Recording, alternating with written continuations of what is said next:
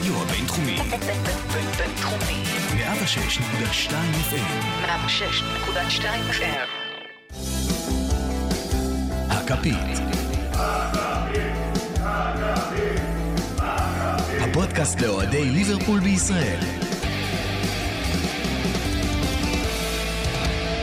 ברוכים הבאים לפרק 103 של הכפית, הפודקאסט לאוהדי ליברפול בישראל, ממשיכים להקליט לכם מהבתים, והפעם, סוף סוף, פרק אחרי משחק שאפשר להתלהב ממנו. מדהים, אה, כיאה לאוהדי הצלחות גם, יש לנו פאנל מורחב היום, כמו שצריך. אה, אז קודם כל, רותם, מה קורה? מעולה, מעולה, לא יכול להיות טוב יותר. כאילו יכול עם בלם, אבל uh, בגדול מעולה. בינתיים גם קורים לך דברים אה, נחמדים יותר בחיים שככה משמחים אותך, אז יש פה שמחה כפולה. Uh, שמחה כפולה בהחלט. זה, יש לנו עוד uh, אורח בפודקאסט, קוראים לו צ'יף. כן. Uh, הוא בעיקר מלקק את המיקרופון, אבל uh, אם נותנים לו, אני לא נותן לו. ציוד שלנו. אז uh, ששילמתם כן, עליו? ששילמנו עליו, כן, ובעזרת המאזינים שלנו. אה, כן, יש בן משפחה חדש, כלב חמוד חיים שלי, וזה לגמרי שמחה כפולה ומכופלת. טוב, לפני שאני פונה לגיא, כי אני יודע שתתחיל שם, יתחיל שם נאום של אה, כמה דקות, נגיד קודם כל שלום לאוהד הצלחות שהצטרף אלינו אחרי ניצחון וזה ברבירו, מה קורה? יאללה, מה המצב? איך, אה, איך להצטרף. לפרק אחרי ניצחון ולא אחרי הפסד? אני לא מקליט אחרי הפסדים. זה בחוזה שלי מול ההפקה. הבנתי. אני, זה. פשוט אה, יעלה את גיל ההאזנה ל-18 פלוס, אם אני אקליט אחרי הפסדים.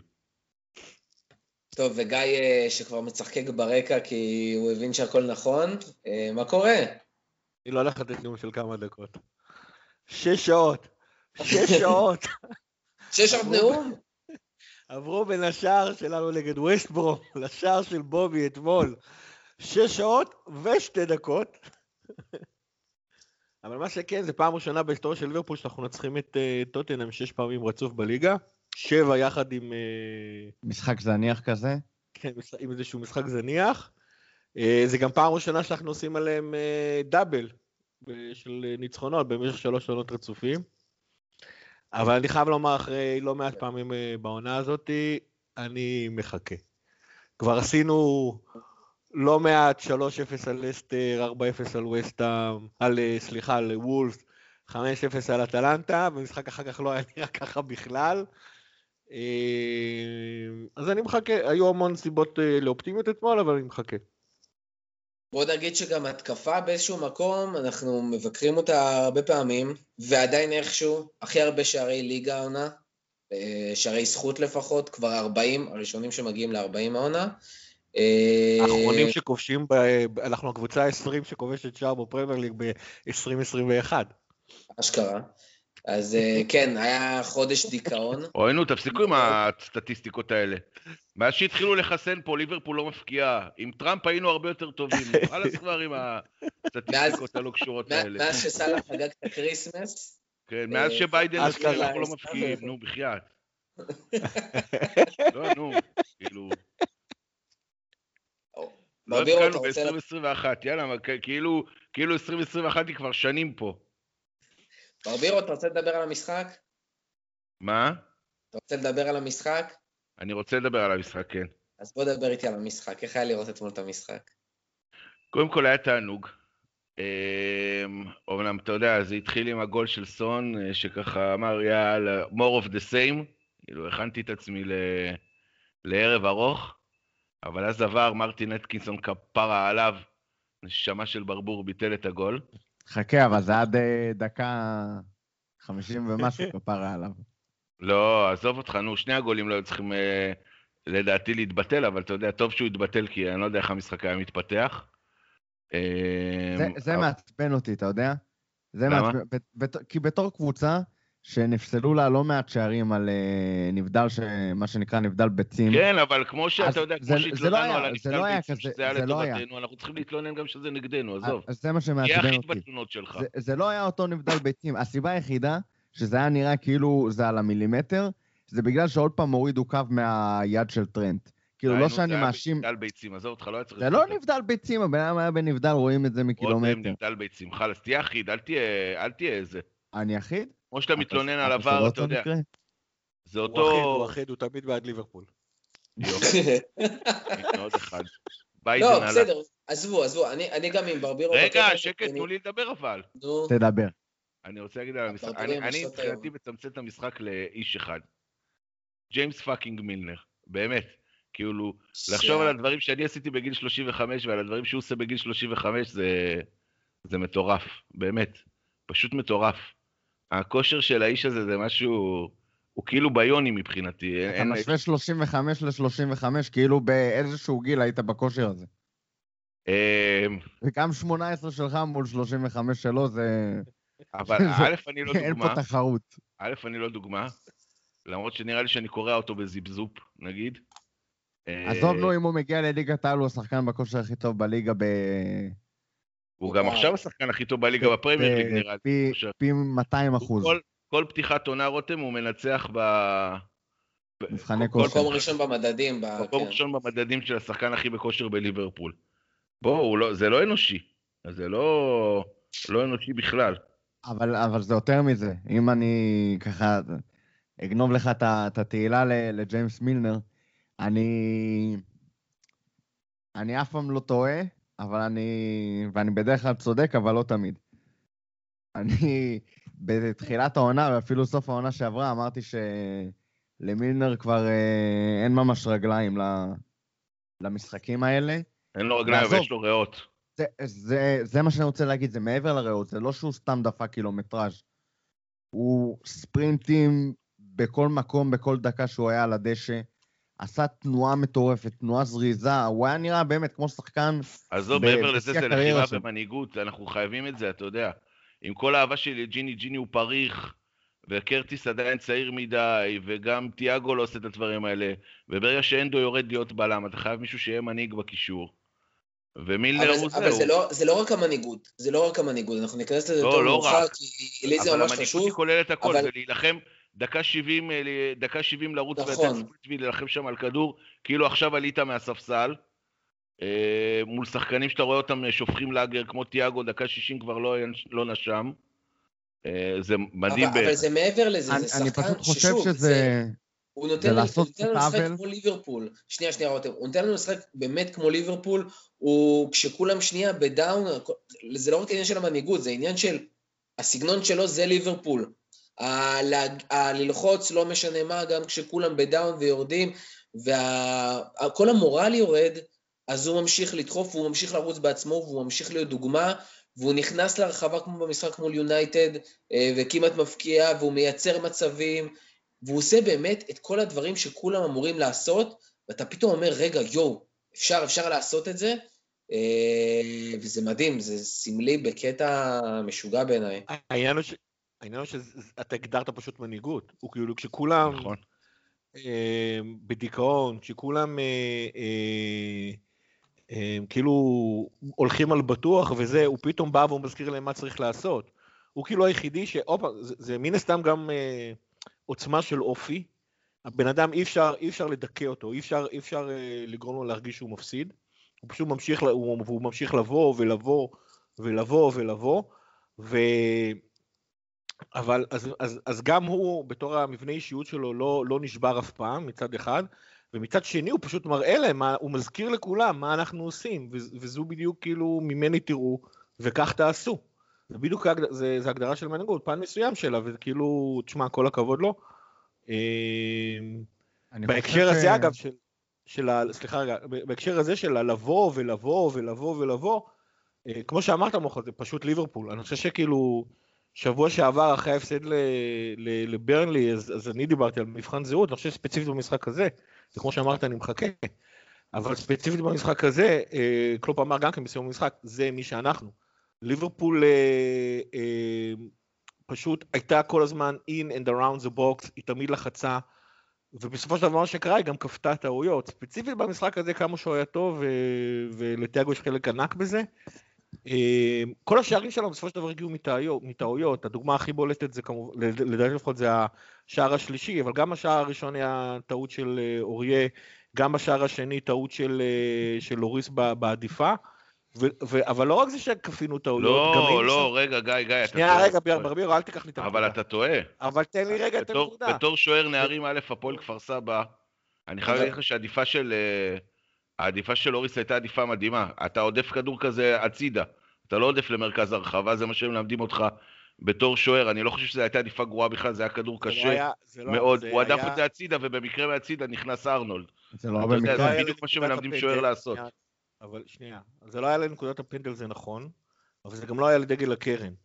זה אחד. שתיים, אבל מעבר לזה, אם ספציפית תסתכל בדוגמה הזאת, מאנה בעט שם כדור שהוא לכאורה, זה לא היה הדבר הכי נכון לעשות, נגיד שני משחקים אחורה, מאנה היה מוסר.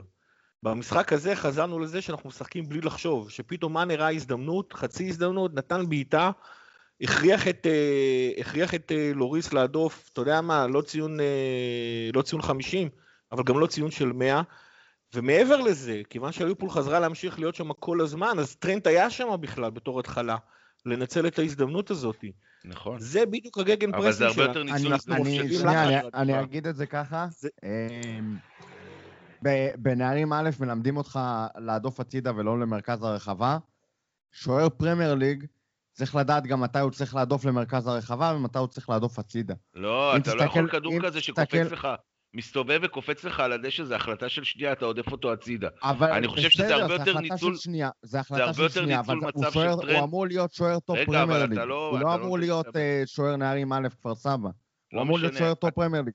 גם מאליסון, אתה רואה עצירות כאלה, שהוא הודף את הכדור למרכז הרחבה, כי בצד שמאל של הרחבה, או איפה שהוא אמור לה- להדוף את הכדור, יש לא- שם שחקן. אתם לא מבינים, זה הרבה יותר ניצול הזדמנות של טרנט מאשר הדיפה לא טובה של לוריס. מצוין, אבל זה... אתם לא בדיוק- להבין את זה, זה בכלל לא הדיפה גרועה זה- של לוריס. עזוב בכלל לא. זה עכשיו. זה ב- חלק ב- מהקטע. ב- יש, יש פה יותר, 95%. יש פה שנייה, דיון ארוך מדי על-. לוריס. נורא. ב-95% מהפעמים לא יהיה שם אף שחקן. זו עדיפה מדהימה לדעתי, אתם אה, אז זו בדיוק אתם הנקודה. מסתכלים על התוצאה ולא על ה... לא, אבל זה בדיוק. אבל רגע, רגע, רגע, ברבירו, ברבירו, תן לגיא להמשיך, שנייה. טוב, אני, אני רגע אקח צעד אחורה, עכשיו אני כן אעשה נאום של כמה דקות, תסלחו לי, אני אנסה לקצר. היה פה קודם כל, המפתח מבחינתי של המשחק, אה, מצד אחד היה את מילנר עם המנהיגות שלו והכל, אה, שהחזיר לליברפול את הרוח, לא לוקח את זה ממנו. המפתח הטקטי לדעתי היה זה ששמנו את ג'יני בתור הקשר האחורי, וזה אפשר לתיאגו להיות אה, מספר שמונה. גם השינוי הזה של אה, ג'יני וטיאגו, וגם הסיפור הזה של מילנר, החזיר את הזהות של ליברפול. מילר, אה, כמו שדיברנו, החזיר את כל הנושא הזה של הלחץ, מבחינת רוח, מבחינת זה שהוא תמיד היה שם, מבחינת זה שהוא לא הפסיק לרוץ והוא הדביק את כל השחקנים. תיאגו אפשר לעשות את זה מהעובדה שאומנם היה 50% ב- בהחזקת כדור, אבל מבחינת אה, כמויות בעיטות זה היה איזה 14-3, מבחינת XG זה היה 2.5 על אה, 0.1 בערך, אה, ו- וכאילו לא היה שאלה בכלל מי הקבוצה ששולטת על המשחק. וכל הלחץ הזה, גם של ההזדמנויות וגם של ה... של ה אמ, אה, גם של ההזדמנויות וגם של, של הלחימה, וגם העובדה, כמו שדיברתי על הבעיטה של מאנה, שהוא בעט, ראה חצי הזדמנות, ישר בעט, אה, עוד פעם, לחזור לשחק בה בלי לחשוב, זה מה שגרם לטוטנאם פשוט להיות בלחץ. זה כל עמוד של ה gegenpressing, אתה לוחץ את הקבוצה השנייה, ואז מעבר לזה שבכל קבוצת כדורגל יש טעויות, אתה מגדיל את כמות הטעויות של הקבוצה, וזה שאתה נמצא אה, תמיד בתוך ובסביבת הרחבה כל הזמן, אז תמיד גם יהיו שחקנים שינצלו את הטעויות האלה.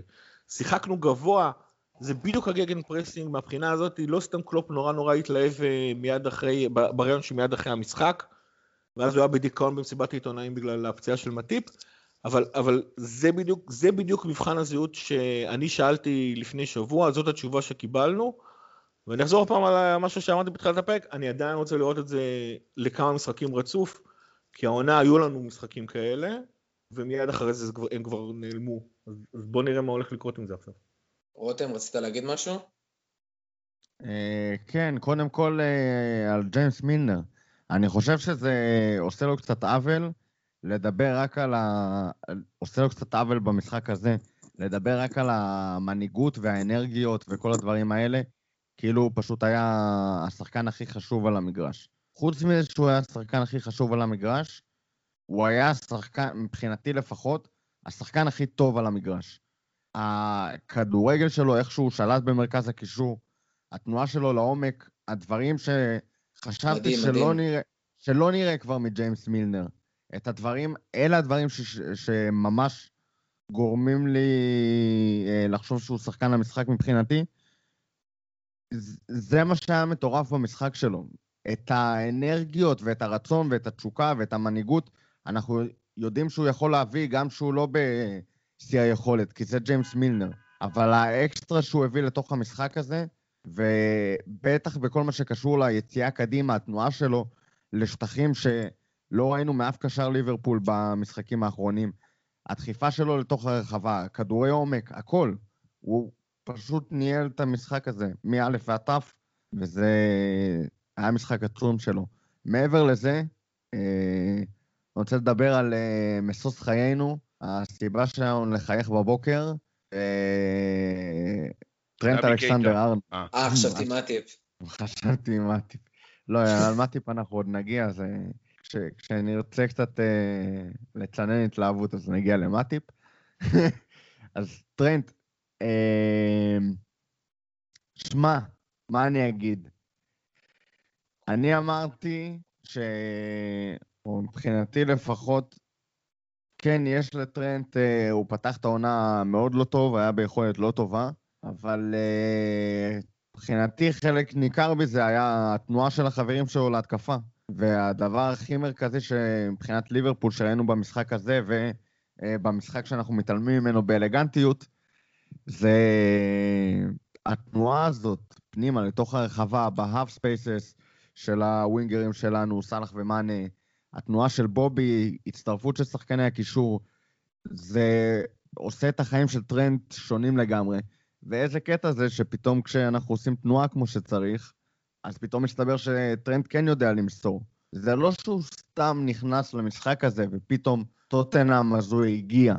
זה דברים שחיים ב- בדו-קיום ומושפעים אחד מהשני. זאת אומרת, טרנט לא סתם הגיע למשחק הזה והוא לא סתם פתאום התחברו לו המסירות. גם התנועה של שחקני ההתקפה שלנו הייתה הרבה יותר טובה. כמה פעמים ראינו במשחקים האחרונים את מאנה עושה את התנועה הזאת אה, לכדור שהוא קיבל בשער השלישי.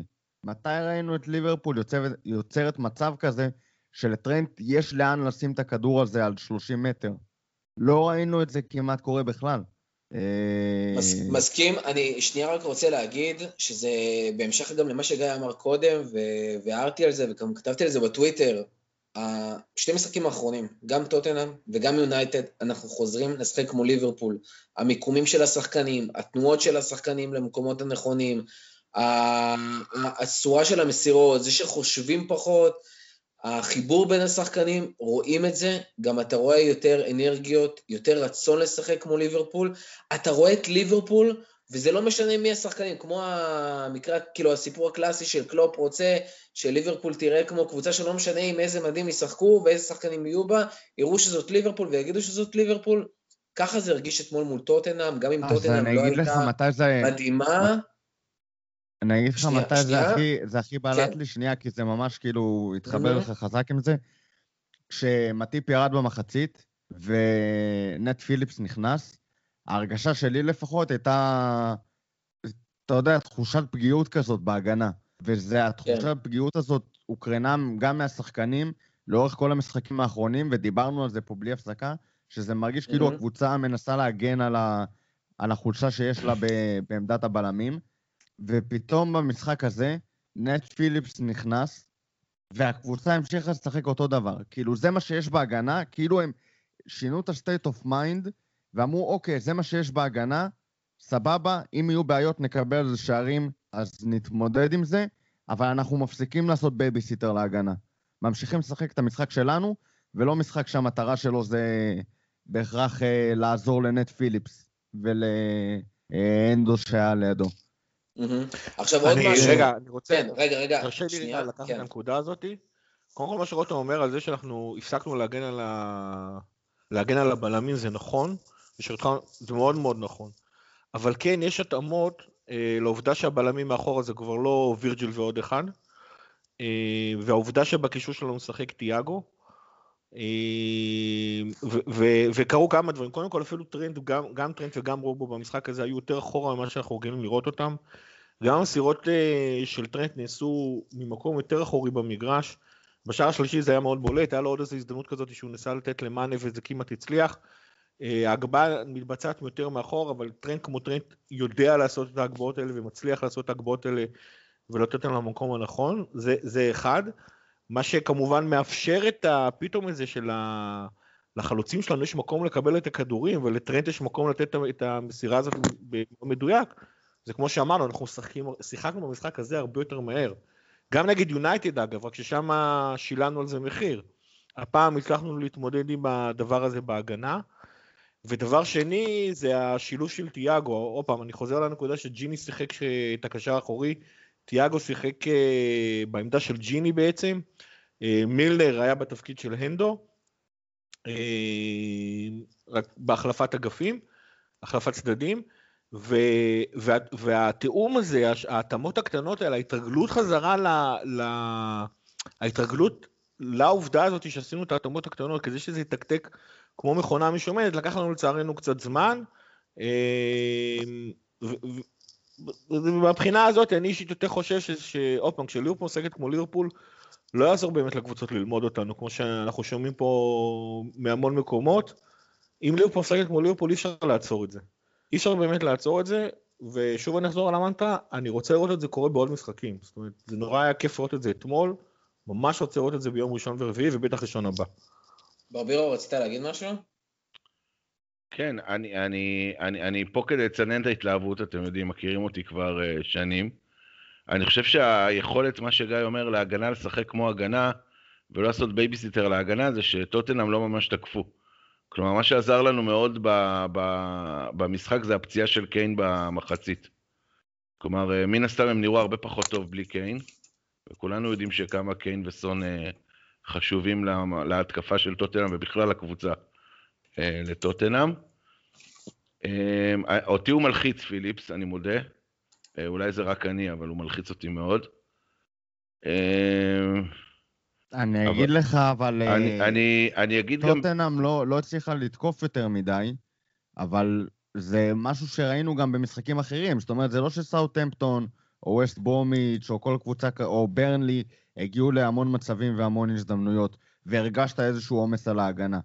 הם, לא, הם הגיעו להרבה פחות ממה שטוטנאם הגיע, אפילו במחצית השנייה, ועדיין הרגשת שהקבוצה כאילו, אני מדבר בעיקר בפן המנטלי, לא הטקטי, הרגשת שהקבוצה סגורה, מגוננת כזאת, בפאניקה על ההגנה, למרות שלא הגיעו נגדה למצבים.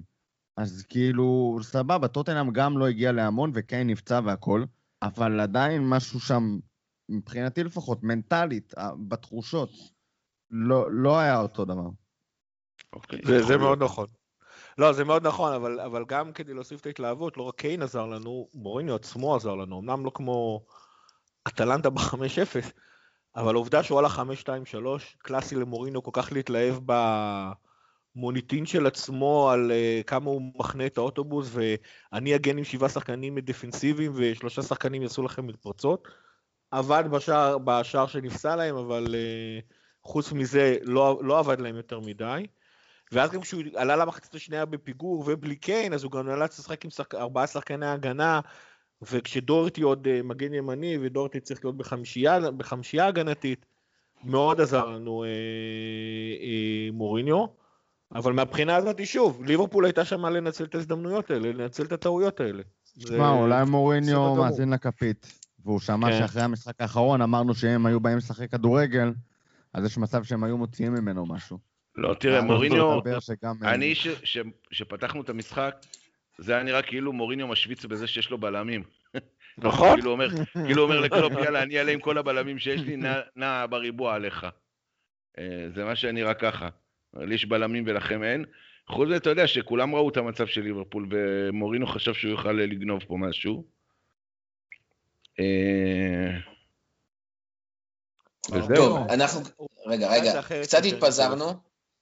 קצת התפזרנו, אה, ואני רוצה להחזיר אותנו לכמה נושאים אחרים. בטח שהתפזרנו, אנחנו מתלהבים מניצחון, מוחו, כן, היה ניצחון כן. אתמול, התר- בסדר, שכחנו אנחנו מה זה. אנחנו גם מקליטים מרחוק ובנפרד. וקשה לנו. אה, אני רוצה לחזור לנושא אחד שסופר חשוב לי, ואני לא רוצה שהוא יישאר לסוף הפרק, וזה שנייה לחזור לעניין טרנד. אה, היו הרבה דיונים על האם טרנט צריך אה, לרדת לספסל, נקו צריך לקבל את המקום שלו, צריך לספסל אותו, קצת להעניש אותו, להרגיע אותו, דברים כאלה. איפה היה דיונים כאלה? אה, היו, היו דיונים בפייסבוק, לא בטוויטר, בקבוצה. מה שאתה לא רוצה. לא, לא מעט, גם בארץ, גם בעולם, הרבה אנשים אמרו, טרנט לא טוב, הוא לא מצליח לחזור לעצמו, צריך לספסל אותו קצת, היה את המשחק עם המיליון איבודי כדור, אם אני לא טועה, מול יונייטד, זה שבליגה, או מול ברנלי, ו... ואני אישית פשוט פחות מאמין בדברים האלה, אני לגמרי בא ממנטרה של יש מישהו שהוא טוב, גם אם הוא בפורמה לא טובה, לא הולך לו, הוא צריך לשחק, כי אחרי שהוא טועה, הוא צריך ללכת ולשפר את הטעויות האלה וללמוד מהן, ואתה לא יכול לעשות את זה מהספסל. אה, ואני חושב שמה שראינו אתמול מול טוטנאם, מעבר לזה שיכול להיות שזה משחק אחד, כמו שבובי כבש, ואז חודש שלם הוא עוד פעם לא כובש, אה, ראית ש, שזה יושב עליו, ושהוא צריך לשחק והוא צריך לנסות, וכמו שרותם אמר קודם, הרבה פעמים הוא מסר מסירות טובות ופשוט לא אף אחד שיקבל, והפעם היה. וזה עוד אחד מהדברים האלה שאתה צריך, ואני אישית מאוד מאמין בזה ששחקן צריך שוב ושוב לנסות, במיוחד שאתה יודע שהוא כישרוני, וזה שחקן על כמו טרנט, ואין מה לעשות, לפעמים יש תקופות לא טובות, במיוחד כל הסיפורים, הקורונה והפציעות וכאלה, ואני חושב שבכלל זה, זה מסר גם לשחקנים אחרים, לא רק אה, לעבודה עם טרנט, אני חושב שזה גם מסר בכללי לחיים, והלוואי שאני אהיה אפילו הורה כזה, שכשהילד שלי עושה טעויות, אני לא בא ומזמבר אותו ושולח אותו, קח תלמד, אלא תמשיך, תעבוד, תנסה, תלמד מהטעויות שלך, ולא קרה שום דבר, רק ככה מתקדמים. אה, אז כפר על טרנט ואמן שימשיך. אמן. ועוד דבר אחד שפספסנו קצת, אה, זה תיאגו. זרקנו עליו ממש בקטנה, ועל זה שהוא פתאום אה, לא היה קשר אחורי, אבל זה מעבר לזה שהוא לא היה קשר אחורי, אני חושב שכל הדברים הפחות טובים שלו במשחקים האחרונים, הוא לא היה צריך לקחת עליהם פתאום אחריות במשחק הזה, וכל הדברים שהוא עושה ממש טוב, באו לידי ביטוי, כאילו ממש ככה. רותם? אה, כן, זה תיאגו בתור DM, מה שנקרא קשר אחורי קלאסי גרזן, כמו שפביניו עושה, זה לא, זה לא עובד. אה, לא בליברפול מפס- ולא בפרמייר ליג בכלל. אה, כן, אני לא יודע אם... אה, תראה, גם יש את העניין הפיזי, הוא קטן. הוא נלחם כמו שואו והוא עולה לכדורי גובה והוא אה, עושה את המקסימום, אבל זה לא תמיד מספיק. אה, לפעמים הגודל כן קובע. אה, ומעבר לזה, גם הטאקלים שלו, זה, הוא כאילו וואי, לא בנוי... הטאקלים שלו זה מלחיץ נורא. הוא, הוא לא בנוי לשחק שם, הוא נכנס לטאקלים שהוא לא אמור להיכנס, אני מניח שהוא לא גם רגיל להיכנס מקדימה הוא אליהם עושה את מעמדות. זה, אבל הוא פשוט עושה את זה פחות. כן, אבל כשהוא מקדימה, אז הוא כאילו נכנס אגרסיבי לטאקל, אבל ביותר, אה, נגיד את זה, שלוות נפש, הוא יכול לברוח מהטאקל אם הוא רואה שהוא נכנס לא טוב, ולהתחמק מפגיעה בכדור או בשחקן ומה שזה לא יהיה. כשהוא בעמדה של DM, הוא נכנס לטאקלים האלה, שהוא יודע שמאחוריו אה, יש רק את הבלמים, במקרה הטוב. אה, ואז הוא נכנס בכל מחיר ואוסף צהובים, ו... אה, שלב הוא גם יאסוף איזה אדום או שניים, אם זה ימשיך בדרך הזאת. אה, אז לא, הוא, הוא לא מתאים לשחק DM, וזה גם קצת מסרס אותו. כי הוא לא איניישטה, והוא לא אמור לשחק אה, ממש קרוב לרחבה, אבל הוא גם לא אמור לשחק כל כך אחורה, הוא אמור לשחק איפה שהוא שיחק במשחק הזה. אה, עש- 25-30 מטר מהשער, אה, לפעמים טיפה יותר קרוב, אבל איפשהו למרות באזור שהוא כן הזה... היה מאוד מאחורי בובי, מאוד עזר לו שם עם הלחץ. לא, כאילו, הוא עולה- ממש עשר כזה.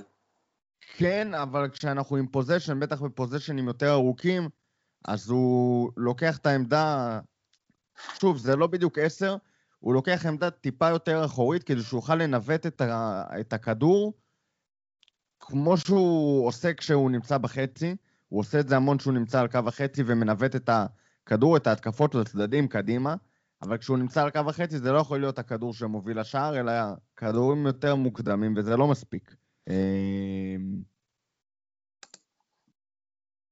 מבחינת התפקוד, אני לא חושב שהוא יהיה תפקוד, בוא נגיד, כמו דה בריינה, שאמור ממש לתת לך איזה עשרה פלוס בישולים לעונה של אה, כדורים חותכי הגנות ודברים כאלה, זה לא מה שמבחינתי לפחות תיאגו אמור בהכרח להביא ככלי עיקרי. יש לו את זה, אבל לא ככלי עיקרי. הוא אמור לשלוט ב... בטמפו ולהרים אותו מ-25-30 מטר מהשאר. אה, מבחינתי לפחות, וזה מה שראיתי הרבה ממנו במשחק הזה. אה, זה היה נהדר. שימשיך אה, עם ג'יני בשש, למרות שנראה לי זה עוד יותר מקטין את הסיכויים שג'יני יאריך חוזה, כי הוא שונא את השש הזה. אבל שימשיך עם ג'יני בשש. זה אותו סיפור שהיה לנו גם עם צ'אן, כאילו... כן. טיפה שונה, אבל מאוד מאוד מאוד מזכיר את זה. דרך אגב, אפרופו, דיברנו על החלק ההגנתי של תיאגו, אבל כמו שאיתי אורן אה, גם שאל אותנו בפוסט בחוג, זה כאילו לא בדיוק שאל, אבל יותר אמר אפילו, שפתאום המסירות שלו גם הרבה יותר משמעותיות מקדימה, והרבה יותר קל לא רק לנהל בפוזיישן, אלא אפילו במתפרצות. אה, כן, כשהוא, כשהוא יותר קדימה, אז יש לו יותר אימפקט על החלק הקדמי, כאילו, זה it that simple. אה, אי אפשר... אה, קשה לטעון למשהו אחר. טוב, זה, זה מה שהוא אמור כן. להביא לקבוצה. אה, בשביל מישהו שמנהל את המשחק יותר מאחורה, יש לנו את אנדו, אפילו את ג'יני מדי פעם, ואת מילנר, כאילו, יש לנו שחקנים שיודעים לעשות את זה. אתה רצית את החלק הקדמי יותר, מה שנקרא, וזה איפה שהערך האמיתי של תיאגו אמור לבוא לידי ביטוי. גיא, אה, אני יודע שברבירו יצנן אה, את האווירה ואני לא רוצה, אני רוצה ליהנות קצת, עוד קצת. בואו נדבר קצת על, אה, על השינוי של בובי במשחק הזה, שלדעתי, שוב, גם במשחק גביע כבר זה השתפר, וראינו שם גם את הבישול הנהדר שלו לסאלח. פה הרגיש, גם אם הוא לא בהכרח עכשיו מבקיע מבשל בכמויות, פתאום הרבה דברים נפתחו, הוא איבד רק שני כדורים בשליש של היריבה, ובכלל הרגיש כאילו הוא אשכרה חוזר לנהל את המשחק, כמו שהוא היה עושה לפני. די? כי בהמשך למה שרותם אמר, קודם כל... אה, איפה הלכת לטייל, גיא? אתה מבין, אני כבר על מיוט עשר דקות, ואני רציתי להגיד את הדברים על תיאגו, תיאגו, תיאגו, ואני לא מבין למה אתם לא שומעים אותי. זה כמו צ'יפ, שהוא מחכה לצאת לטיול, אני רואה אותך כבר כזה ב... אז רגע, אז רגע, גיא. עזבו, שם את הרצאה בחרבון, נו, תעזבו אותו. תן את התוספת שלך לתיאגו ונעבור לבובי. אז, ככה, כמו שרותם אמר על, ה... על, על, על תיאגו, הוא באמת הולך להיות המטרונום שלנו, אני רוצה להדגיש, זה מאוד חשוב ל... לאפקט הלחץ של ליברפול. כי כשברנלי מתגוננת מול ליברפול ומקבלת אה, אה, הגבהות סתמיות, שבאות אה, לפני הבלמים, זאת אומרת שהבלמים שמסתכלים קדימה, הכדור מגיע אליהם, אז ריו פרדיננד אתמול לפני המשחק אמר, כן, אין לי בעיה, אתם תמשיכו למסור כאלה הגבהות, זה נוח לי, זה מה שאני טוב וחזק בתור בלם. כאשר תיאגו נמצא שם ונותן את המסירה לבישול, אה, או מעביר במהירות את הכדורים מצד לצד, וההגנה צריכה לרוץ מימין לשמאל ומעייפת אותו, והם גם נמצאים בלחץ כל הזמן של רגע, אני מגן עכשיו בימין, רגע, פתאום תוך מסירה אחת מגיעה אליי התקפה משמאל, או פתאום יש איזו מסירה לתוך הרחבה ששמה שחקנים בעמדה מסוכנת. אה, זה מפעיל המון המון לחץ על, אה, על, על הקבוצה, וגם אם, וגם אם לצורך העניין אנחנו לא משיגים, כדור, אה, משיגים שערים מהמשחק המסודר, כמו נגיד אתמול, זה לכל הפחות מעלה את כמות הלחץ של הקבוצה, מעלה את הסיכויים לטעויות, ואז הגגן פרסינג שלנו מתחיל להיכנס לפעולה אה, ועוזר לנו. זה מבחינתי החשיבות הכי גדולה של תיאגו, ובמקרה של בובי, כשיש את תיאגו הרבה יותר קרוב לידו, אז מן הסתם הוא מתפנה. וכשהוא מתפנה, יש לו הרבה יותר מקום לעשות את השובבויות שלו. הוא מתפנה ש... לפנות שטחים.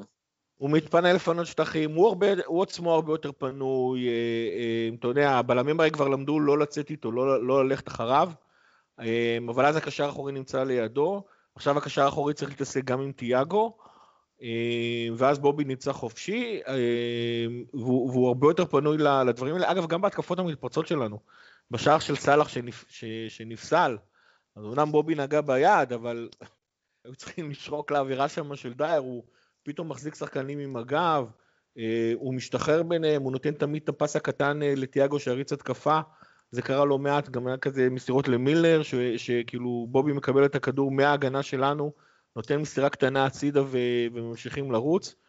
אה, העובדה שיש שם עוד פעם את, את, את תיאגו באמצע, מאוד מאוד אה, מאוד מאוד עוזרת. ברבירו, אתה רוצה לצנן? לא, אני אין לי מה לצנן, אני חושב שבובי... בובי כבר אה, מהמשחק גביע שאנחנו מתעלמים ממנו היה אחלה. ויש שינוי באופן כללי, אני חושב שמה ש... מה שהקבוצה עלתה אתמול אבל זה היה להכניס את מאנה לעניינים. ראית שמההתחלה כולם חיפשו את מאנה, אולי הם חשבו שהפתיחה של מאנה תפתח להם את הצ'קרות, אבל ממש, כלומר סאלח חיפש אותו ובובי חיפש אותו, וטיאגו ואנדו, בעצם כולם, כולם חיפשו את מאנה, וגם הוא חזר קצת לעצמו, שזה תמיד כיף. כן, זה שלו, זה לא רק שהם חיפשו את מאנה, זה מאנה היה שם חופשי כל הזמן. גם מאנה מבין, הש- אה, מבין אה, הוא וסאלח, הוא זה שיורד קצת יותר אחורה הרבה פעמים, כדי להיות קצת יותר פנוי לקבל כדור, יותר קל למסור למאנה מאשר לסאלח, מהבחינה הזאת. טוב, אפשר אה, רגע פנינו, כן. משאלות הגולשים, או... כן. כן, זה משאלות הגולשים, זה לא בדיוק שאלה, אבל אה, נתנאל רוזיו רוצה שנדבר על ג'יני. ומשני הקשרים שדיברנו עליהם, נשאר אה, עוד קשר שנתן, אה, מבחינתי, משחק ענק. בדיוק במה שאנחנו מהללים אותו פה כבר אה, שנים, וזה ההשתחררות מלחץ.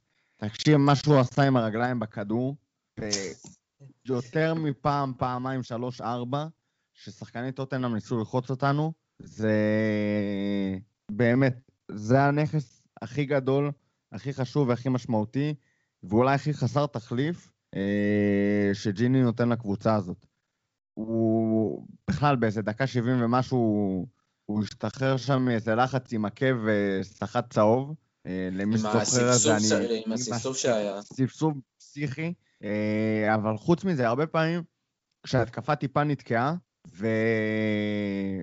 וטוטנאם ניסתה לנצל את זה בשביל להפעיל לחץ, והכדור התחיל לחזור אחורה, אה, הוא הגיע הרבה פעמים לג'יני, וג'יני ממש סחב אליו שחקן שניים של טוטנאם שיבואו ללחוץ אותו, הסתובב עם הכדור סביבם, רץ איזה 15-20 מטר כל פעם לכל כיוון, ו...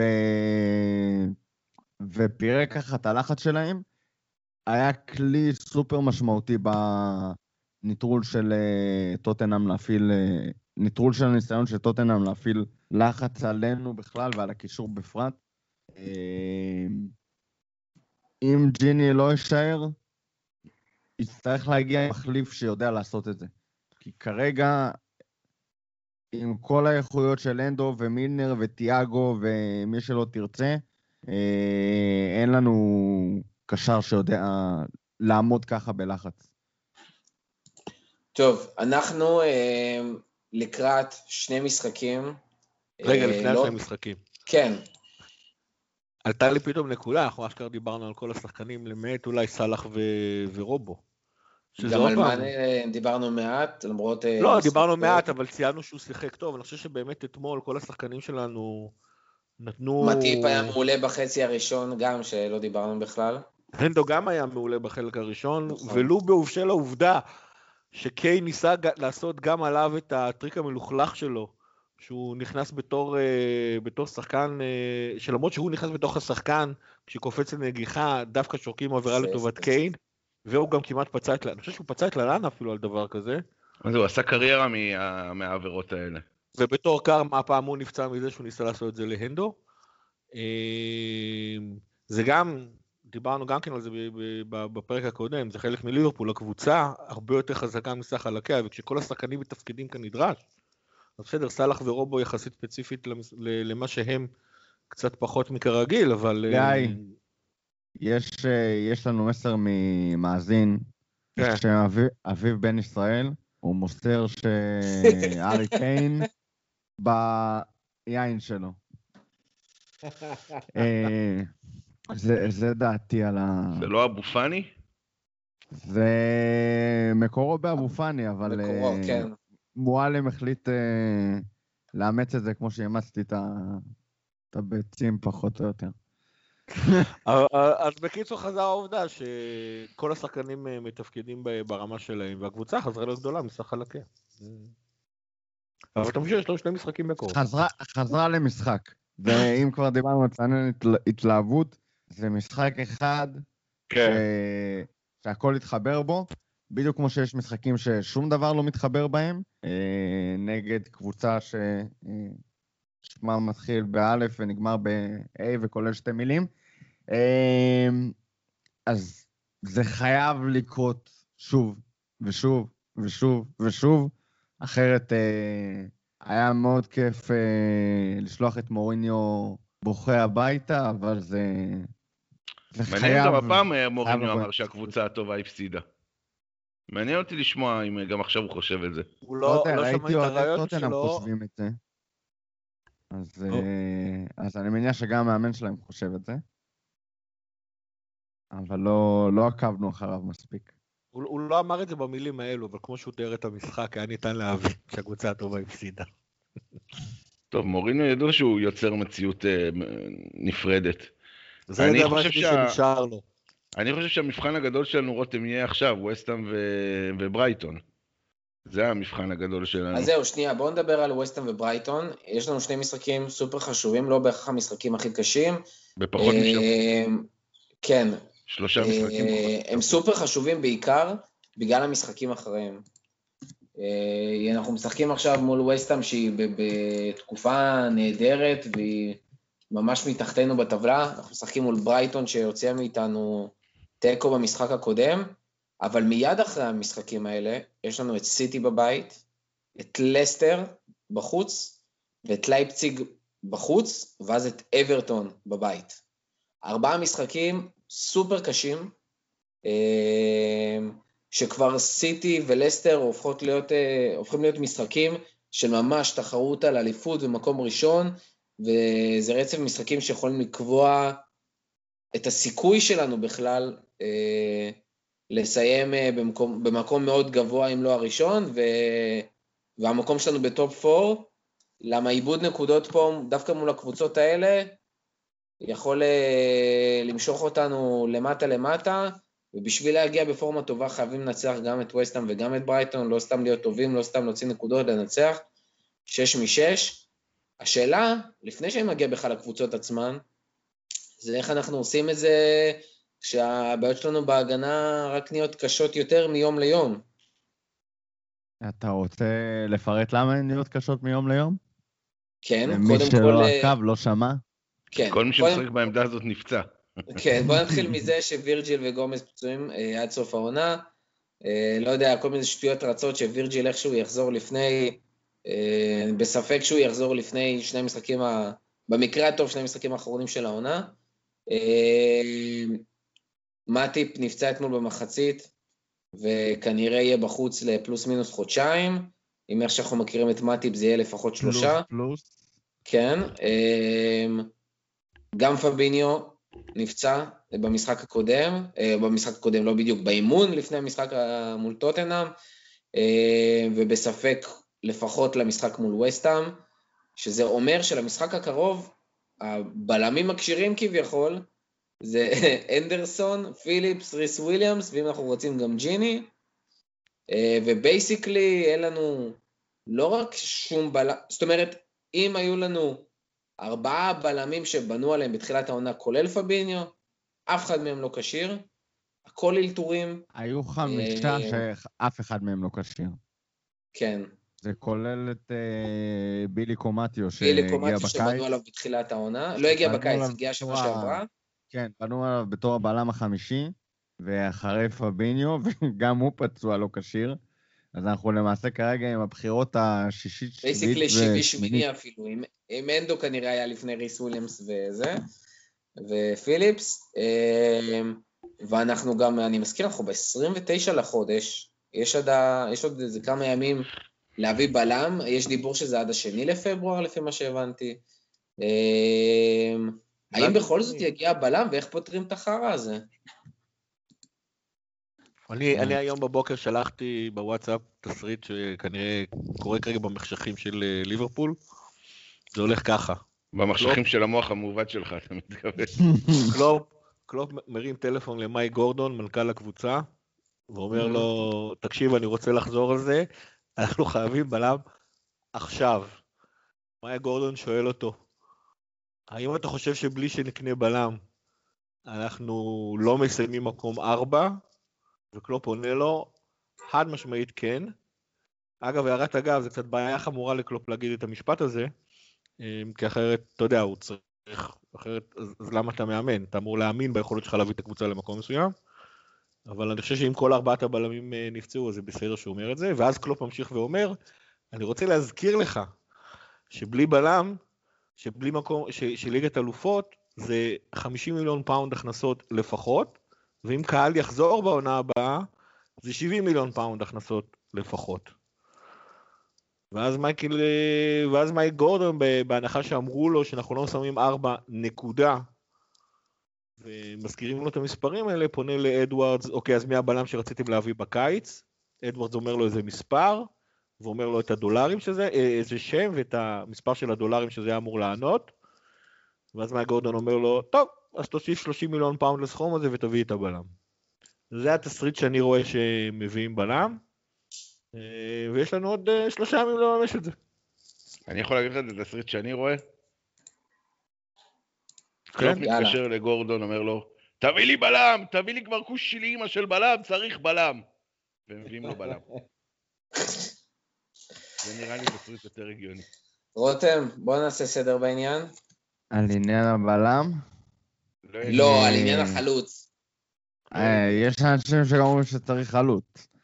אה, שמע. בגדול, אה, כל הטענות על אה, זה שאם לא יבוא בלם ולא ובגלל זה לא נסיים בטופ 4, אה, כמובן סופר נכונות ו- ולגיטימיות, אבל יש פה משהו שקצת מתעלמים ממנו, וזה אה, האפשרות שתוציא עכשיו 20-30 מיליון על בלם, תביא אותו, תשלם לו משכורת יפה, עדיין לא עם מקום חוזה. לכמה שנים ועדיין לא תסיים בטופ 4. זה מהמם. תסריט שהוא לא כל כך סביר, אבל במסגרת ניהול סיכונים צריך להתייחס אליו. העניין הוא ש- שאם- רותם, לא? לא, זה לא תבוסתני, זה ריאלי. אה, כי כשאתה מה, מנהל סיכונים... סליחה רגע, כשאתה... זה מספיק תבוסתני להגיד שאני לא מסיים מקום ארבע אם אתה לא מביא בלם, אז- אז אז כן, אם אתה מתייחס לכל התסריטים. לא, בגלל זה אני גם לא חושב. שקלופ יגיד את זה, אני זה, בגלל זה זה לא לא עניין של תבוסתני. אבל כשאתה מנהל סיכונים, בדיוק כמו שאתה עושה ביטוח או כל דבר כזה, יש סיכונים שאתה לא מוכן לקחת בשום מחיר. לא משנה אם הסיכון שלהם הוא אה, 5%, 10% או אחוז אחד, ברגע שקיים הסיכון הזה, יש פעולה שאתה עושה שמובילה לסיכון הזה, אתה לא לוקח אותו. כי אתה לא מוכן לקחת את ה-1% סיכון, שיהיה איזושהי תוצאה הרסנית. יכול להיות, שוב, אני לא... אה, אין לנו לא את הדוחות הכספיים ובטח לא אסטרטו- אסטרטגיות אה, ארוכות שנים של ההנהלה או מה שזה לא יהיה. יכול להיות שהסיכון בלהביא בלם ולא לסיים בטופ 4 הוא סיכון שליברפול לא מסוגלת אה, או לא מוכנה לקחת, והם מעדיפים את האפשרות לא לסיים בטופ 4, להפסיד כמות לא קטנה בכלל של כסף, אבל לא לקחת את הסיכון שהאפשרות הזאת אה, של הבאת בלם ואי הגעה לטופ 4 תתרחש. אני לא יודע אם זה המצב, אני באמת, אני לא יודע מה קורה שם. אה, מבחינתי, מבחינת כל אוהד אחר, או מבחינת כל בן אדם, מבחינה מקצועית ועוד כל מיני סיבות אה, כלכליות כאילו מובנות מאליהן, צריך להגיע בלם.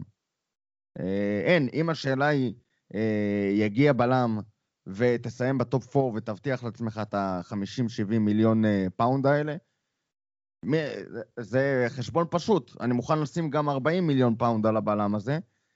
גם אם הוא לא יהיה טוב, הוא יחזיר את עצמו. אין פה שאלה בכלל.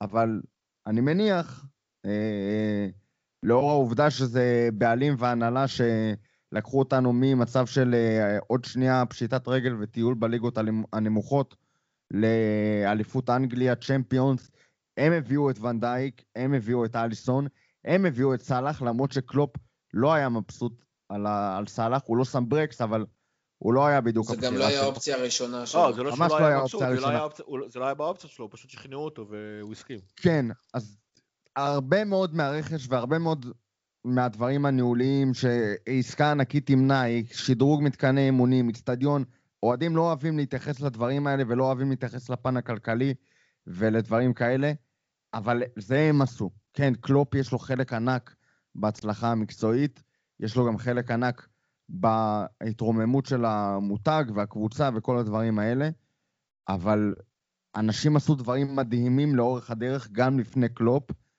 הם עשו גם טעויות, יכול להיות שזו טעות. אה, אני לא אבוא ואגיד, אה, אין מצב שזו טעות, הם האנשים מושלמים, וכל ההחלטות שלהם אה, שלמות הגיעו מ... נשלחו מאלוהים הלאה, אה, או אה, מישו, וזה מה שקורה. יכול להיות שהם טועים, אבל אני לא, אף אחד מאיתנו, ואף אחד, אה, גם מהאוהדים שנמצאים בליברפול וגם כתבים, לא יודע בדיוק מה קורה שם. אז יש מצב שיש סיבה אה, לזה שלא מגיע בלם, יכול להיות שזה סיכון שלא מוכנים לקחת, יכול להיות שמעדיפים לספוג אי הגעה לשמפיונס ולא לשבור מדיניות רכש ולא לעשות כל מיני דברים. לא יודע. אה, אבל לבוא וכאילו, מה שהכי מדליק אותי בכל הסיפור הזה, גם אם תהיה חרא עונה ולא יהיה צ'מפיונס ויהיה זה, זה אוהדים שחושבים ש-FSG בושה, חסרי שאיפות, צריכים ללכת הביתה או כל דבר כזה או אחר, זה, כאילו, זה, זה ביזארי וגובל באיזשהו, לא יודע, אה, תסמונת קשה. באמת. ש- אה, מה, מה שהבעלים האלה עשו, אי, אי אפשר בכלל לתאר, ואם מישהו רוצה באמת, אנשים אומרים שאין להם שאיפות לחזור לטופ, כי הם לא מוכנים לשים פה כסף, או לקחת את ליברפול למקום שראוי למועדון כזה. בסופו של דבר, כמה שזה באסה, כדורגל, כמו כל דבר אחר בחיים, הוא עניין של כסף. אם אתה לא תחזור ל-level של יונייטד, תהיה מסוגל להתחרות כלכלית גם בסיטי, לא תהיה לך אליפות אחרי אליפות אחרי אליפות אחרי אליפות. אתה תוכל לקחת אליפות פעם, פעמיים, שלוש, בעשור, אה, אולי ארבע עם איזה... ארבע לא. באמת עם איזה מאמן... ארבע בעשור כמו- זה מדהים, זה לא, מטורף. זה לא יהיה לא, ארבע אותך, בעשור, לא גם יהיה לך שלוש אפילו לא. אחת. אם אתה לא מסוגל להתחרות עם סיטי מבחינה כספית, וגם לא עם יונייטד, לא תהיה לך. אם נקודה. תביא מאמן כמו קלופ ותחזיק מאמן כמו קלופ, אז יכול להיות כמו עכשיו שהוא... והכל יסתדר והכל יעבוד כמו שצריך, והניהול סיכונים יהיה מושלם כמו עונה קודמת, שגם בה היה ניהול סיכונים, על uh, העמדות בהתקפה דווקא, אנשים שוכחים את זה, uh, שהיו בטוחים שחייבים להביא חלוץ ובלי זה אין אליפות, והניהול סיכונים הצליח, ולקחנו אליפות. Uh, לא, דיברו גם על זה שלא. הבאנו קשר קדמי ולא ניקח כן, אליפות היו, מקשר היו קדמי. כל מיני. היה ניהול סיכונים שהצליח, פה היה ניהול סיכונים שהתוצאה שלו הייתה פחות מוצלחת. בכל מקרה, בלי שתביא את המועדון חזרה לפסגת הטבלאות, הטבלה הכלכלית, פיננסית, אה, ובאופן קבוע, לא באופן שתלוי כמו בעונות האחרונות, בהעפלה לצ'מפיונס ודברים כאלה. שתעלה את הקומרשיאל, שתעלה את ההכנסות שלך ממאץ' דיי, מכל הדברים האלה, אתה לא תצליח להתקיים ברמות הכי גבוהות באופן אה, עקבי ורצוף. ואני לא מדבר עכשיו שנה, שנתיים, שלוש, מדברים איתי על השושלת הנוכחית ודברים כאלה. אנשים שוכחים שדשדשנו 30 שנה. מאיפה זה הגיע? זה לא הגיע בגלל שבעונה ספציפית לא שמעו על איזושהי שושלת או כל דבר כזה או אחר. זה הגיע כי מתחילת שנות ה-90 דעכנו בצורה אקספוננציאלית מבחינה כלכלית, פיננסית, ניהולית. המועדון הזה היה בירידה, הירידה הזאת הגיעה לשיא שלה כשכמעט פשטנו רגל אה, לפני ש-FSG וג'ון הנרי באו להציל אותנו. באמת, זה היה להציל אותנו, לא שום דבר אחר. ונכנס שם ים של כסף לכל מי שטוען שהבעלים לא משקיע. נכנס שם ים של כסף, ואנחנו כרגע במגמת עלייה מטורפת, והיא חייבת להמשיך, והיא חייבת להמשיך שנים. היא חייבת להמשיך לפחות עשור של ביצועים כלכליים מעולים, כדי שתבוא ותדביק את ש... את הפער שיונייטד פתחה עליך במשך 30 שנה. לא תדביק אותו, בסוף יונייטד תעקוף אותך מחדש. באמת. כאילו, הכי ריאלי והכי... אה, זה בעולם. בסופו של דבר זה משחק של כסף, וזהו. וצריך גם להתנהל בפן הזה, למרות שזה לא סקסי, זה לא מעניין את רוב האוהדים. הם רוצים לראות כדורגל, הם רוצים לראות תארים, ככה זה. אם זה לא מעניין אתכם, דברו איתי על הבעלים. כל מילה. רגע, אבל בואו נדבר שנייה פרקטית. כאילו, שלושה, ארבעה ימים בערך נשאר, כאילו יומיים שלושה, ארבעה. מגיע מישהו, אתם רואים את זה קורה? זאת אומרת, האחוזים פתאום אחרי אתמול גדלו משמעותית. זה כאילו כן מרגיש שיש ביקורת שכבר עולה גם ממקום של הכתבים, ופתאום קלופ מדבר, וגם הפציעה של מתי וגם פביניו, כאילו יום אחרי יום, יכול להיות שכבר ה... יש פה נענוע שהוא חזק יותר ממה שציפו, וזהו, עכשיו חייבים, וקורה. יש, האחוזים גדלו משמעותית. עוד פעם, אתה בלי ארבעה בלמים שדיברת וזה, האחוזים עלו משמעותית. אין פה... אני חושב שמה שקלופ אמר... כאילו, איך, איך, איך עולים בכלל מול, כאילו, מול וסטאם אפילו, שהם בפורמה נהדרת, אתה פתאום עם, לא, עם אדרסון ועם פיליפס? התשובה ברורה, גם אם תביא בלם עכשיו, נגיד, בזמן שהקלטנו את הפרק, אתה עדיין עולה כנראה עם הנדו ופיליפס, או הנדו וריס וויליאם, זה לא שאלה בכלל.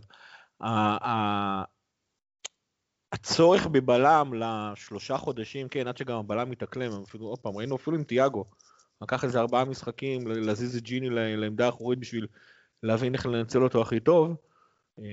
אז בטח עם, עם בלם חדש, ייקח איזה שבועיים, שלושה, אפילו חודש, עד שאתה תבין מה, מה בדיוק, איך אתה, רוצה, איך אתה רוצה להשתמש בו.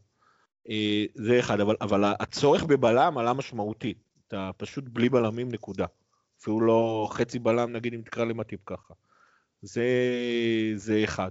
מבחינת מה יבוא, כמו שקלופ אמר, אנחנו מדברים על כל הדברים כל הזמן, וזה נכון, הם גם עוקבים אחרי שחקנים כל, כל הזמן.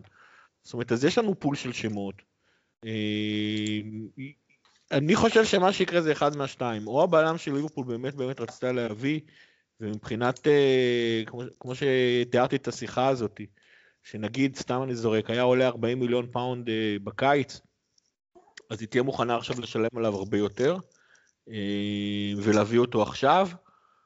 לא, לא יודע אם המשכורת שלו תעלה, אבל יש מצב שהסוכן שלו ינסה לעשות סיבוב גם על, גם על המשכורת שלו. זה נקודה אחת. אפשרות אחרת זה אם יש איזה משהו בהשאלה אה, שאפשר להביא אותו, יש איזה שם ספציפי שנשמע מעניין, שזה מיליטאו מריאל מדריד, אבל גם כן הייתי נזהר מזה. יש לי הרגשה שדווקא השאלה זה לא יקרה. כאילו, השאלה זה לא יהיה. שאם כבר מביאים מישהו... אני מדבר על זה רק מבחינת uh, כמות הזמן שיש להביא אותו, כאילו צריך לסגור את העסקה הזאת כן. עד יום שני. זה חייב להיות שם שמופיע ברשימת השמות של ליברפול, לא הולך להיות פה איזה הנפצה, אה, לא הולך להיות פה איזה סוכן uh, עלום שם ש... חבר'ה, תראו איזה מישהו שאני מכיר מאיזה ליגה לא מוכרת, uh, משהו שנמצא ברשימת השמות של ליברפול. ליברפול יש פול ארוך עם, עם, עם דירוג, הם עובדים עליהם כל הזמן. זאת אומרת, מבחינת, מבחינת ה... מנהלים של ליברפול, מבחינת אנשי הסקאוטינג של ליברפול, לא הולך להיות פה איזושהי הפתעה מטורפת. אה, הולך כנראה, אם, אם יהיה, כנראה הולך להיות איזשהו צ'ק יותר גבוה שיצא. אני, אני אגיד מה יש, מה, יש מצב שקרה, אבל יהיה מאוד קשה להביא אותו לכדי ביצוע בזמן הקצר שנותר לנו. יש מצב שעם הפציעה הזאת של מטיפ, אה, תמה הסאגה שלו בליברפול. אה, אני אומר את זה. באמת בלב כבד, כי הוא אחד השחקנים האהובים עליי בקבוצה, אם לא... ו- מבחינת חיבור האהוב מכולם. אה, בלם אדיר, מבחינתי כשהוא כשיר, יכול לקרוא תיגר על הטופ חמש בלמים בפרמייר ליג, באמת, הוא נ... קצת אה, סמוי מהעין, אבל בלם מטורף. גם הוא, אגב, וגם אה, מילנר הגיעו בהעברה חופשית של אה, אותם בעלים שצריכים ללכת הביתה. אה, לא, זה אדוארדס, אתה מתבלבל, זה אדוארדס. בסדר, אה, לא, צוחק, סליחה. אה, אז עם הפציעה הזאת, באמת, מי ש... אם יש מישהו במועדון שחושב שהוא, כאילו שאפשר להתייחס אליו כבלם סגל לעונות הבאות, זה בן אדם שחושב כנראה יותר מהלב מאשר מהמוח. אה, וברגע שאתה מגיע לאיזושהי השלמה סופית עם זה אה, מטיפ צריך, אה, חלקו בקבוצה כבר אה, נגמר, בין אם יימכר ובין אם אה, סתם יהיה חלק מהסגל, אבל מבחינת התייחסות, אה, חלקו בקבוצה נגמר, אז אתה פתאום צריך להביא לא סתם אה, בלם סתימת חור, אלא להחליט להביא בלם במקום מטיפ. ואת זה אולי כן... ז- זאת תוצאה שעכשיו, כרגע, כאילו השלמת עם זה שצריכה לקרות בקיץ. אה, אני. אני אגיד את זה, אני אגיד מה את זה זה ככה. משנה אם תוסיף עוד 10, עוד זהו. 10 מיליון עכשיו, וסבבה, הוצאת אה, 30 מיליון שאולי לא היית רוצה להוציא, אבל בקיץ גם ככה תוציא על זה 20-25 מיליון, אז בוא Mhm. תוסיף כמה מיליונים עכשיו. תביא את המחליף של מטיפ עכשיו, וגם אם לא הפלת לצ'מפיונס, אז הפסדת על זה 10 מיליון, לא Mhm. 30 מיליון, כי את נכון. ה-20 מיליון הנוספים היית מפסיד בקיץ בכל מקרה, כי אין מטיפ, ולמטיפ אתה תהיה חייב להביא מחליף. זהו, אז הבעיה אני, אגיד את זה בצורה, הבעיה שנייה, אני פה זה. ב- כן. שבלם שברמה של להחליף את מטיפ, יהיה מאוד קשה להביא ביומיים שלושה שנשארו לנו, ועוד בינואר, בלי קשר אז- ל... אז שנייה. למחיר שתצטרך לשלם עליו. שנייה, אגב, לפני זה, בוכו, אני חושב שפשוט, זה זה לא יומיים שלושה. כמו שאמרתי, זה פשוט השמות קיימים. הם, כן, אה, אבל זה עדיין נשכח היו שאתה כבר צריך מול לסגור. הסוכנים, ודיבורים עם המועדונים, כן. זה ברור, אבל זה עדיין משהו שברגע... כי גם השמועות אומרות ש- שבאמת בקיץ רצינו להביא אחד. אז אה, אז כאילו, זה לא out of the blue. אבל העבודה, זה נכון אני אגיד לכם מה, הקושי, אבל זה לא out of the blue לגמרי. תשמע, גיא, אני חושב שחשוב להעביר את זה, אה, גם בכלל לאנשים, כי אני חושב שזה מאוד עוזר להבין. מה שאתה מדבר עליו, התהליך של להבין רגע מי מביאים, בכמה, לדבר מול המועדון, הכל טוב ויפה, נכון, זה מרגיש כאילו זה מלא זמן בדרך כלל, אבל זה דווקא החלק הפשוט. החלק היותר קשה, ומי שלדוגמה ראה אה, סדרות אה, דוקומנטריות על קבוצות כמו על אה, סנדרלנד או על טוטנאם, אתה מבין שהיומיים האחרונים של חלון העברות, במיוחד בינואר, מרגישים כמו נצח, אבל הם שנייה וחצי בדיוק, וזה הקושי במשא ומתן, שברגע שאתה נכנס לפינות הכי קטנות, שם זה הכי קשה. אה, ועכשיו אפשר לסחוט ש- אותך, מה זה אפשר לסחוט אותך? בדיוק. מצד שני, שם אתה גם נהיה הכי יצירתי. שוב, זה סופר קשה, זה לא אומר שאי אפשר לעשות, אבל זה באמת צריך לפעול סופר מהר. אה, אחד השמות של דוגמה ממש עכשיו עולים, ויותר נכון חוזרים, שחקן שקושרנו עליו, שזה בוטמן, הבלם מליל, הבלם ההולנדי, אה, ש... רגע, שנייה, אני אגיד גם את השם מדויק, לי לגמרי. אה, קווין פלמר, קווין הכתב, כן, כן, לא, קווין פלמר הכתב, אה, שהוא לא הכתב הכי מאמין ומקושר למועדון, אבל הוא יחסית אמין בכללי, אה, והוא בעצם אומר שעכשיו אחרי הסיפור עם מאטיפ, אז חוזרים כאילו, כל ה-interest is revived. אה, זה דברים שכמו שגיא אומר, יש כבר רשימת שמות ועכשיו יצטרכו לדבר, אבל דווקא מקרים כאלה, אם זה שחקן בן 21 סופר גבוה, מהליגה הצרפתית שהם ב crisis עכשיו, אז אתה יכול להוציא סכומים נורמליים, או שחקנים שהם יחסית מבוגרים, ואז אתה פתאום יכול אה, להביא אותם על חוזה שהם אה, שנה, שנה וחצי לסיום, או איזה איסה דיו ב- בהולנד, שאילן שלנו אמר שיש איזשהו דיבור ברדיט פתאום, שזה שחקן שלא שיחק העונה בווסטהאם, אבל הוא כאילו מתאים ב... בנתונים למה שכביכול ליברפול מחפשת, אז יכול להיות פתאום שזה יסתדר. אי אפשר לדעת, הכל יכול להיות, כנראה שהמועדון יהיה מוכן, אבל אני אחזק שנייה את מה שרותם אמר ואני אפשט את זה. אנחנו כרגע, ברמ, על הנייר, צריכים שני בלמים, אם זה עכשיו ואם זה בקיץ. שני בלמים.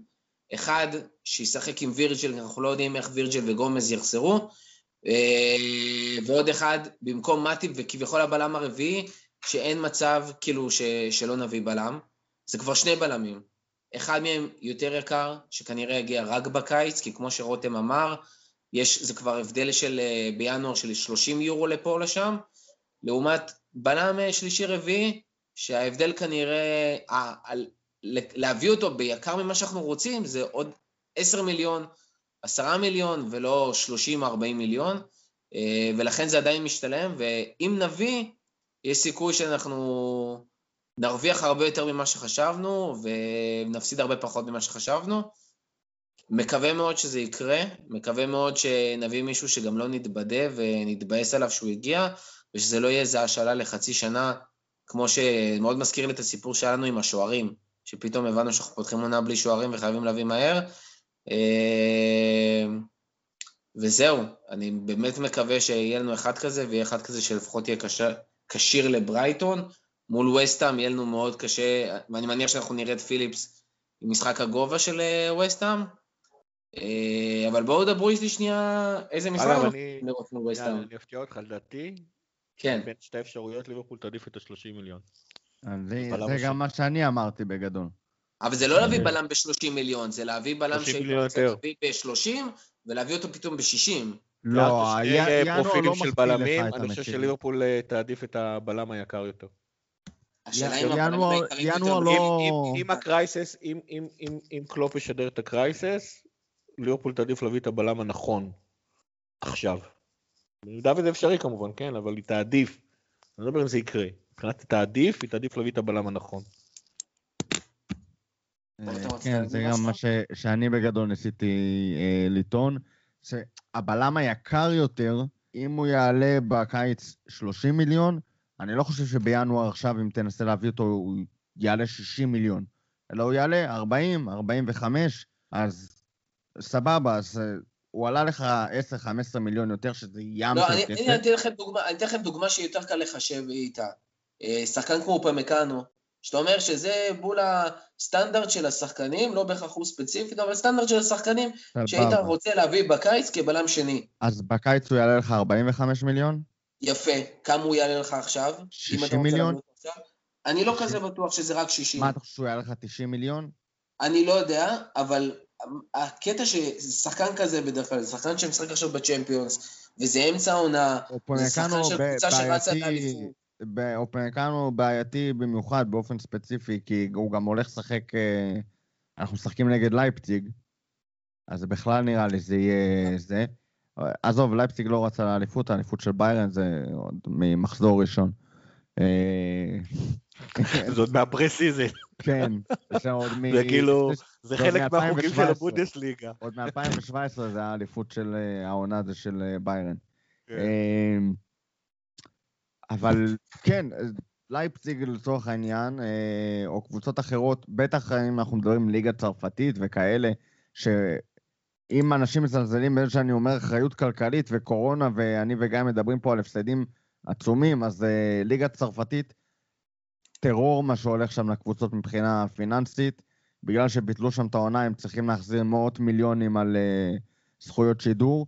גם על זה מי שזלזל, מה, כסף זה שטויות, זכויות שידור.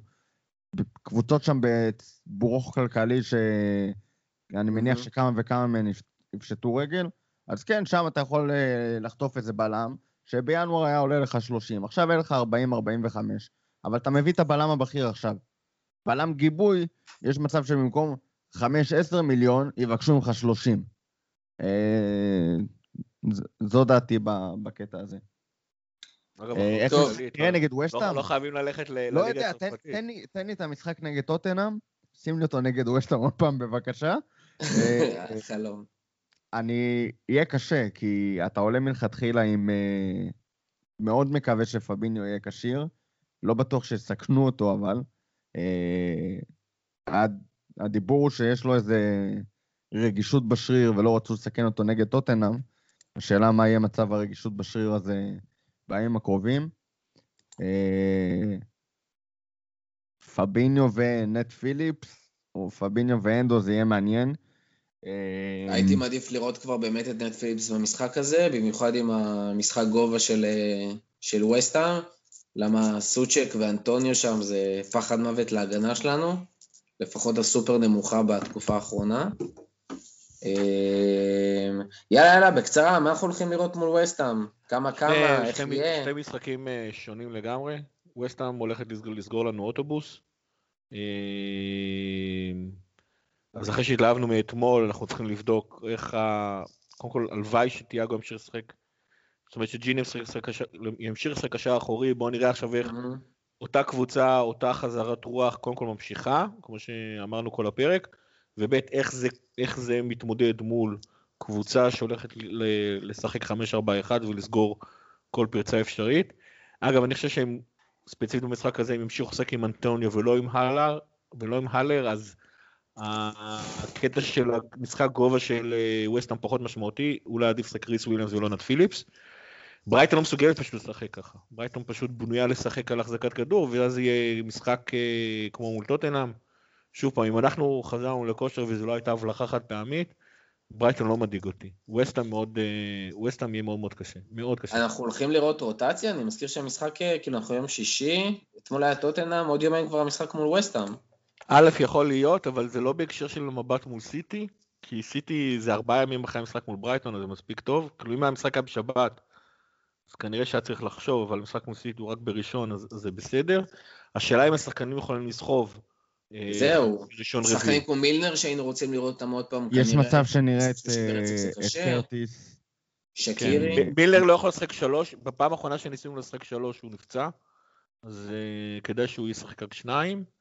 Uh, עוד פעם, מול ברייטון פחות קריטי שמילר יהיה, אז הוא... את השלישייה אני לא בטוח שנעשה רוטציה. אין לנו גם איך. מה זה אין לנו מי? קלופ. לא היה לו מי והוא כבר עשה, כן. אה, אבל אני חושב שיהיה קשה לקלופ אה, מבחינת המנטליות של הקבוצה, כאילו זה לא שאתה רץ רגיל, בפורמה רגילה או אפילו פורמה בינונית, ועושה רוטציות. אתה כאילו, זה הזמן שלך לעלות על הגל, אז מה, עכשיו פתאום אה, תיתן למאנה לנוח, לבובי, שכאילו, הנה הם מתחילים, אה, אתה יודע, להתחבר. אה, מה, תוציא את סאלח שהיו לו... אה, היה לו משחק טוב, אבל הוא לא שם את הכדור ברשת, אז מה, תשים את סאלח על הספסל? יש לי הרגשה שהוא לא ייגע בשלישייה הקדמית. בהגנה זה בעיקר נראה לי עניין של כשירות. אולי רובו יקבל מנוחה עם צימקס. וואי, אני אה, מה זה לא רואה את זה קורה. כן, את טרנט אני לא רואה זז מההרכב. אולי רובו על צימקס. אה, רובו, אני חושב, מהשחקנים ש... גיא, תגיד לי אם יש לך איזה נתונים, מהשחקנים עם הכי הרבה דקות בסגל בפער. הכי הרבה כן. דקות העונה בכל המסגרות בליברפול. ו- ומבחינתי, הכי הרבה- הכי הרבה היה- זה היה לו ג'ימי. גם כן משחק לא רע ב... אה, נגד טוטנאם, אבל אני, לי לפחות הרגיש קצת אה, העומס אה, שיש עליו, ואני חושב שאם נראה רוטציות, אה, זה יהיה בעיקר בקישור. קרטיס ג'ונס, אולי שקירי, אולי אוקס, אה, משהו בסגנון הזה. משהו נוסף, משהו אחרון, לפני שאנחנו מסיימים? שרק ימשיך. שרק ימשיך. אמן, היה המון המון. סיבות להתלהב, באמת, היה המון. המון סיבות להתלהב. היה נראה שמצאנו את ההתאמה הנכונה ב... של החלקים, הח- של החיסרון של וירג'יל וההתאמה של תיאגו, אבל שימשיך, שימשיך, בואו נראה שזה, שזה ממשיך. יאללה, טוב, אז תודה רבה לכל מי שהיה איתנו עד הסוף. אנחנו בטוחים שהיה לכם קשה וכיף בו זמנית כל הפרק הזה.